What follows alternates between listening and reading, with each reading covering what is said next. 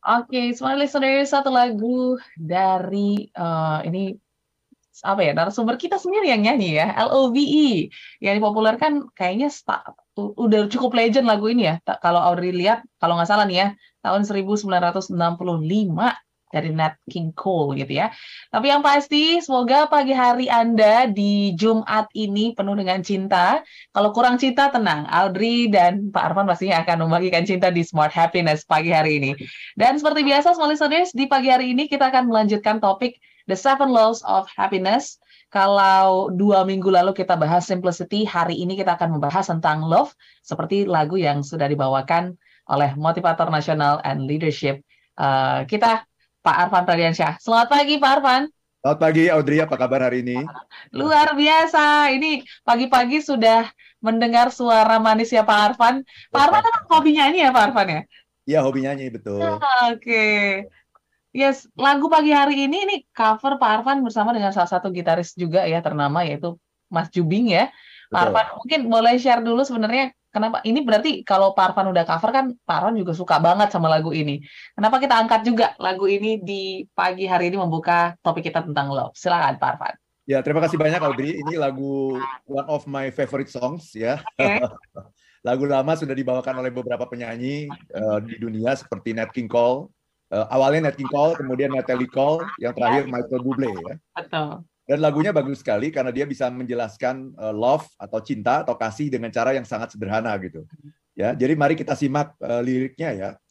Jadi uh, dia bilang begini, L is for the way you look at me. Jadi uh, L itu adalah cinta itu adalah masalah melihat gitu. Ya. Jadi cinta itu adalah sebuah mindset. Ya, cara cara kamu melihat saya itu yang namanya cinta. Itu adalah sebuah mindset ya, yang nanti akan kita bahas. Oke. Okay. Kemudian O is for the only one I see. Jadi O adalah uh, orang satu-satunya yang aku lihat adalah dirimu. Uh-huh. Jadi ini uh, maksudnya adalah kalau kita mengasihi, mencintai itu kita menjadi orang yang fokus, ya fokus hanya kepada uh, orang yang kita cintai itu. Ya jadi ini kalau yang pertama tadi masalah mindset, yang kedua ini adalah berkaitan dengan fokus. V is very very extraordinary. Ya, jadi begitu luar biasa. Kalau kita mencintai seseorang, itu membuat uh, orang itu menjadi luar biasa di mata kita gitu. Ya di mata orang lain mungkin biasa-biasa saja, tapi di mata kita dia menjadi uh, luar biasa. Kenapa? Karena itu tadi, karena mindsetnya, cara melihatnya udah berbeda. Kemudian kita juga fokus. Nah, ketika kita fokus, maka kita bisa melihat keindahan gitu. Ya. Kemudian E is even more than anyone that you adore. Ya, E lebih dari siapa pun yang bisa kamu kagumi.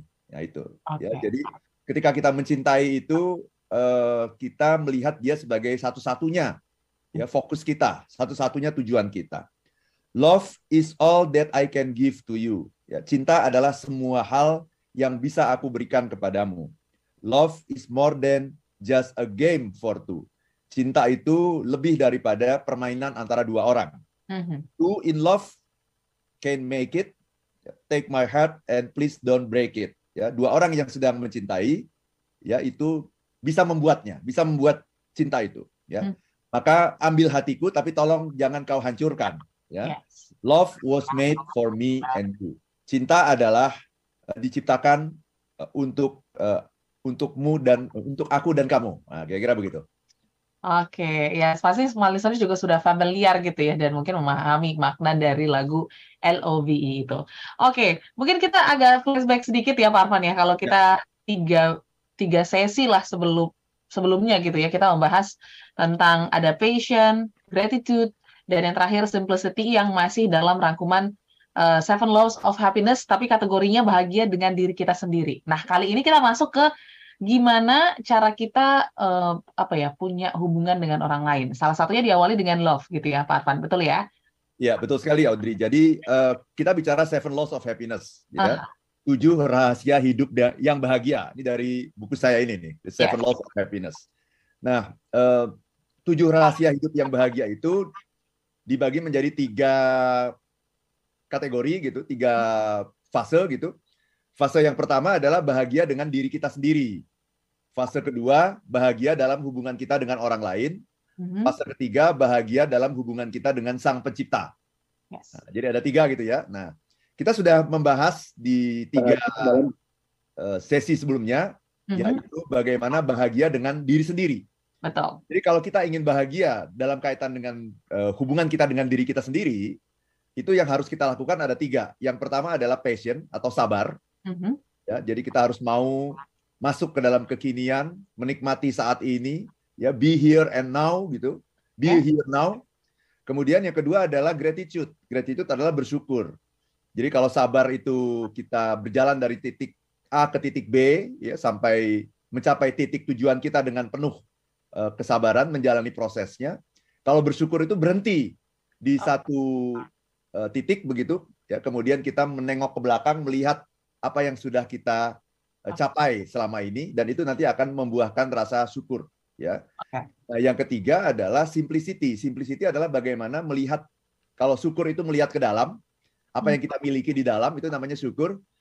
Kalau simplicity melihat keluar, melihat masalah-masalah yang kita alami dalam hidup yang sering kali kelihatannya rumit, ya kompleks, tapi sesungguhnya itu sangat sederhana kalau kita bisa tahu kuncinya gitu. Ya, jadi tiga inilah yang akan menciptakan kebahagiaan dalam hubungan kita dengan diri sendiri. Ya, sabar, syukur, dan simplicity. Nah, kita masuk ke fase berikutnya, yaitu bagaimana kita bisa bahagia dengan dalam hubungan dengan orang lain. Itu juga ada tiga, yaitu love, giving, dan forgiving. Uh, kasih, memberi, dan memaafkan. Nah, dari tiga ini nanti, dasarnya, fondasinya itu adalah kasih yang akan kita bicarakan pagi hari ini. Jadi dasarnya itu adalah kasih. Dan kasih ini seperti tadi sudah dibahas, sudah disampaikan oleh uh, lagu LOVE tadi adalah cara melihat. gitu. Kasih adalah sebuah mindset yang akan membuat kita bisa uh, melihat orang dengan cara yang berbeda, ya, mengapresiasi orang dengan cara yang berbeda, dan nanti kita bisa berhubungan dengan uh, orang lain itu dengan cara yang uh, jauh lebih indah gitu. Kalau kita mempunyai yang namanya uh, kasih atau cinta.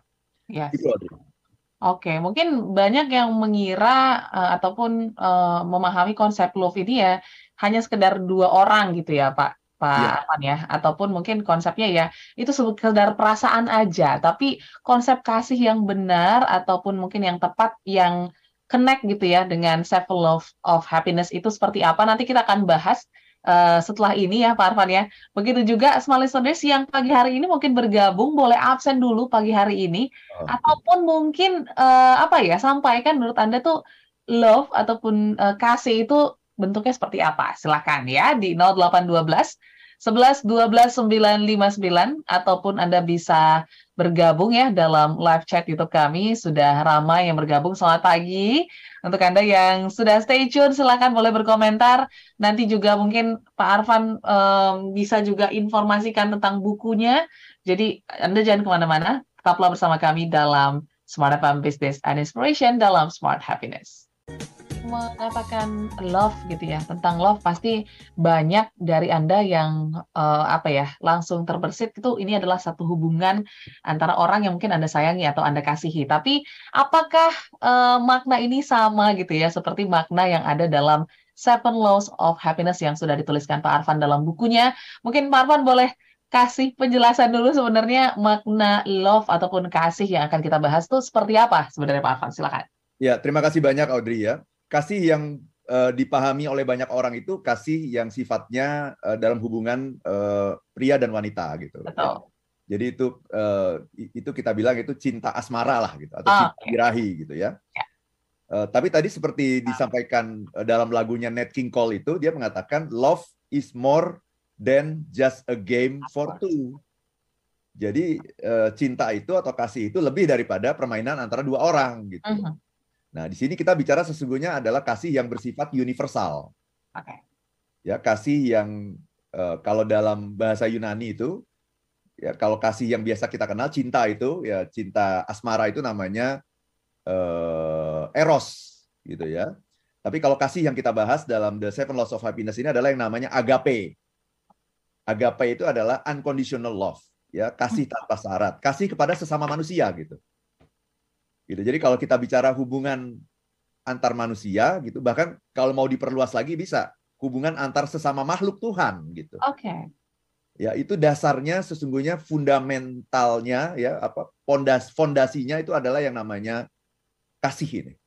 Mm-hmm. Ya. Kalau dalam bahasa Indonesia itu bisa dibedakan cinta, ada cinta, ada kasih gitu ya. Kasih, betul. Kalau dalam bahasa Inggris itu cinta ya love juga, love. kasih ya love juga love, gitu. Yeah. Kalau bahasa Perancis lebih lebih ini lagi lebih luas lagi gitu. Mm-hmm. Bahkan kalau kita menyukai saja, kalau kan eme gitu ya, mm-hmm. eme itu kan artinya eh, cinta, bisa kasih, bahkan bisa suka juga udah sudah eme juga gitu. Oke. Okay. Ya jadi kalau bahasa Inggris kan beda, ada like, ada love gitu. Kalau bahasa Perancis itu suka pun suka, cinta, kasih itu dalam satu kata tuh eme itu. Mm-hmm. Gitu ya. Jadi uh, ini yang dimaksud adalah itu, Audrey ya, bagaimana kita mengasihi sesama. Bagaimana kita melihat orang lain itu seperti kita melihat diri kita sendiri gitu. Mm-hmm. Itu Audrey. Oke. Okay. Tapi menarik Pak Afan tadi katakan kan unconditional love gitu ya. Mungkin untuk mencapai tahap itu tuh cukup sulit ya Pak Arfan karena kita sebagai manusia nggak di nggak kita pungkiri lah bahwa mungkin eh, kadang ada beberapa hal yang membuat kita uh, berusaha mengasihi orang karena ada alasan-alasan. Mungkin Pak Arman boleh share nggak sih? Kebanyakan dari kita tuh apa ya mencintai atau mengasihi itu dengan alasan-alasan tertentu yang seperti apa, Pak Arfan? Iya, jadi kebanyakan kita itu mengasihi orang lain karena dia mengasihi kita gitu. Ya, oke. Okay. Kita mengasihi orang lain karena dia memberikan keuntungan kepada kita. Hmm. Itu namanya bukan unconditional love kan? Yes. Itu namanya win-win situation. Okay. Jadi kita memberikan uh, apa namanya kita mengasihi orang tuh karena ada kepentingan gitu. Mm -hmm. Kalau orang-orang yang kita nggak punya kepentingan kita cuekin aja gitu. Ya boro-boro mengasihi gitu ya. Bahkan kenal pun kita nggak mau kali gitu. Yeah. Kita hanya pingin kenalan sama orang-orang yang punya kepentingan, yang kita uh, bisa mendapatkan sesuatu dari dari dia gitu. Nah itu itu adalah rumus kesuksesan, Audrey. Mm -hmm. Okay. Jadi rumus sukses sama rumus bahagia itu berbeda. Mm -hmm. Kalau rumus sukses itu win-win. Mm-hmm. Jadi kita uh, memberikan sesuatu kepada orang karena kita mengharapkan sesuatu dari dia gitu. Ya. Dan kita tahu bahwa kita tidak akan mungkin bisa mendapatkan uh, sesuatu dari orang lain kalau kita tidak memberikan sesuatu kepada kepada mereka. Jadi selalu uh, transaksional gitu. Ya. Saya butuh sesuatu dari Audrey sehingga saya perhatian sama Audrey karena saya butuh sesuatu gitu. Dan kebanyakan kita sampai pada level itu gitu. Yes. Itu adalah rumus kesuksesan gitu. Mm-hmm. Tetapi kalau rumus kebahagiaan lebih daripada itu. Ya. Kebahagiaan itu adalah bagaimana kita bisa melihat orang lain sebagaimana kita melihat diri kita sendiri. Ya, kita mengasihi orang lain sebagaimana kita mengasihi diri kita sendiri. Secara teori ini sangat sederhana, tapi dalam prakteknya sangat sulit. Betul. Sulit ya. Saya sendiri saya nggak nggak yakin bisa mencapai itu bisa hmm. mencapai yang namanya unconditional love itu. Walaupun saya terus berusaha okay. untuk bisa sampai ke sana gitu. Jadi bagaimana kita mengasihi orang-orang yang yang nggak suka sama kita gitu. Mm-hmm. Ya orang-orang yang kita tidak punya kepentingan sama sama dia gitu. Itu penuh perjuangan, Audrey. Mm-hmm. Um, yang mungkin baru bisa saya lakukan adalah ya mengasihi anak misalnya ya. Yes. Mengasihi anak. Kalau orang tua sama anak tuh saya kira bisa tuh yang namanya unconditional love itu bisa gitu. Karena anak itu betapapun dia uh, apa tidak tidak nurutnya sama kita betapapun dia adalah anak yang membangkang betapapun dia penuh dengan tingkah polanya gitu. Yang namanya orang tua tuh pasti mengasihi tanpa syarat gitu. Okay. tapi saya masih ber, berjuang ya misalnya untuk misalnya uh, kalau di kantor misalnya ya mm-hmm. ya sama tim member saya gitu ya. Kalau tim member saya itu bagus uh, kerjanya juga uh, performance-nya oke okay, gitu, yes. itu saya kira tidak sulit gitu ya. Yeah. Tapi kalau performance-nya nggak oke okay, oh. gitu ya, uh, udah dikasih feedback berkali-kali, tetap melakukan yang salah gitu ya, tetap melakukan dengan caranya, itu saya masih berjuang tuh. Gimana kita di situ ya? Ya, tapi itulah uh, the beauty menjadi oh. manusia. Yeah. Menjadi manusia itu kan namanya human being. Human being itu adalah apa? Ya, terus melakukan terus gitu. Yang penting saya saya tahu tujuan saya apa. Saya kepingin bisa menjadi orang yang uh, mengasihi tanpa syarat gitu. Dan saya tahu itu tidak mudah, tapi saya terus berusaha gitu. Dan mulailah dari lingkungan-lingkungan terdekat kita, Audrey. Okay. Ya, dari bagaimana kita mengasihi orang-orang yang paling dekat dengan kita gitu. Kemudian hmm. nanti masuk lingkaran yang yang lebih di luar lagi orang-orang di kantor kita, tim member kita, masuk lagi lebih luas lagi customer kita dan seterusnya gitu Audrey. Hmm. Oke. Okay.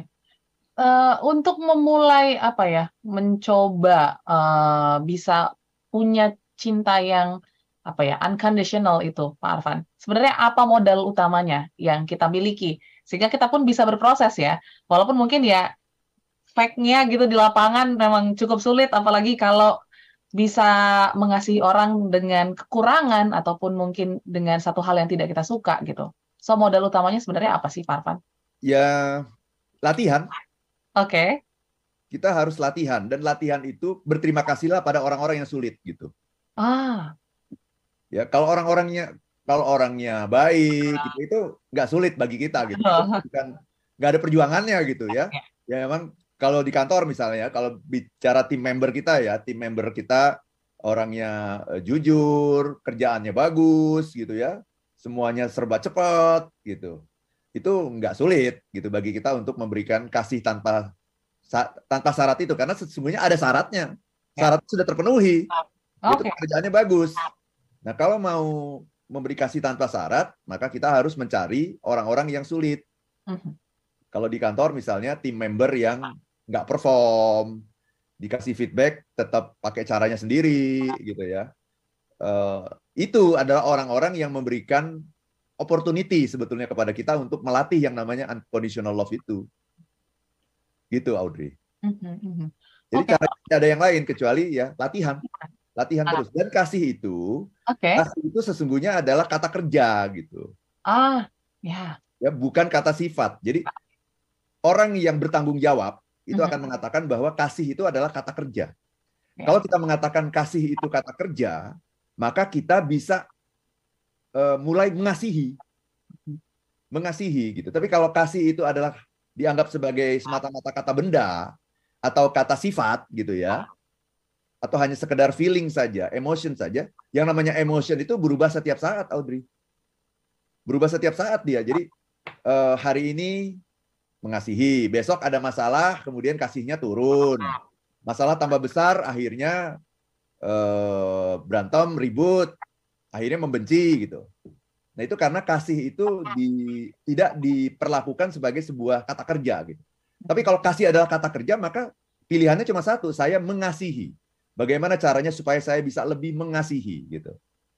Itu itu adalah kasih eh, definisi kasih yang bertanggung jawab sesungguhnya. Oke. Okay. Itu Audrey. Kasih bertanggung jawab. Nah ini kan cukup unik ya Pak Arfan ya. E, kasih tapi harus tetap bertanggung jawab. Ini bertanggung jawab yang seperti apa sebenarnya yang harus kita punya sebelum kita mungkin mengasihi orang-orang di sekitar kita? Iya, karena kita meletakkan kasih itu pada sesuatu yang bersifat controllable. Oh, Oke. Okay. Kalau kita mengatakan kasih itu adalah sebuah feeling, emosi, sebuah perasaan gitu, itu Eh, kita menempatkan kasih ke dalam situasi yang uncontrollable, yang iya. nggak bisa kita kontrol gitu. Ya, orang semua orang kan ketika menikah pasti dasarnya cinta kan, paling tidak itu yang dikatakan ya. Yes. Ketika menikah. Tapi kemudian seiring dengan berjalannya waktu, akhirnya sering ribut ya dengan pasangannya, akhirnya bercerai dan ketika bercerai itu sama sekali sudah tidak ada cinta gitu. Ya. Ya. Kenapa tidak ada cinta lagi? Karena dia yang salah siapa? pasangan kita itu yang membuat cinta saya kepada dia berkurang. Oke. Okay. Itu ya. Jadi hmm. pasangan saya itu ya uh, sudah membuat cinta saya kepada dia berkurang. Berarti cinta saya itu ditentukan oleh siapa? Oleh pasangan. Oleh kelakuan pasangan kita. Nah, itu namanya tidak bertanggung jawab gitu. Hmm. Karena kita menempatkan uh, memposisikan cinta sebagai sesuatu yang uncontrollable. Kan perilaku pasangan kan betul. controllable. Betul, betul. Itu ya, controllable bagi dia tapi tidak nggak bisa dikontrol bagi saya kan berarti yes. uncontrollable. Nah, itu namanya tidak bertanggung jawab. Mm-hmm. Orang yang bertanggung jawab itu menempatkan cinta itu sebagai sesuatu yang controllable. Okay. Pertanyaan berikutnya, bagaimana caranya menempatkan cinta menjadi sesuatu yang controllable? Mm-hmm. Caranya adalah dengan membuat cinta itu menjadi kata kerja. Oke. Okay. Apa itu cinta? Uh-huh. Pakai kata me sekarang. Iya. Saya mengasihi. Aku mengasihimu. Aku memperhatikanmu. Aku uh, membantumu. ya kan? Aku meng menghargai apa yang kamu lakukan. Okay. Nah itu membantu, menghargai, mengasihi, memperhatikan, mengapresiasi, ya. semuanya pakai me. Nah ya. kalau me itu berarti siapa yang melakukan? Kita. Aku. Ya. Saya. Berarti itu sesuatu yang saya bisa kontrol kan? Saya bisa kendalikan. Kan? Bukan dikendalikan oleh sesuatu yang ada di luar kita, bukan dikendalikan oleh orang lain. Nah itu namanya cinta yang bertanggung jawab. Oh. Jadi gunakan selalu gunakan kata me gitu. Aha, yes. Jadi jangan menuntut-menuntut selalu gitu ya. Lakukan dulu apa yang bisa Anda lakukan mungkin untuk orang-orang di sekitar Anda. Nanti kita akan bahas sebenarnya uh, ketika kita sudah mulai eh, mencintai ataupun mengasihi orang-orang di sekitar kita, dampaknya ke happiness itu seperti apa konektivitasnya ya Pak Arfan setelah yang satu ini. Begitu juga small listeners yang sudah menyapa-nyapa. Tenang, setelah ini kita akan bacakan. Anda juga yang mungkin mau bertanya pagi hari ini, silahkan ya. Di 0812 11 12 959. Tetaplah dalam Smart Happiness.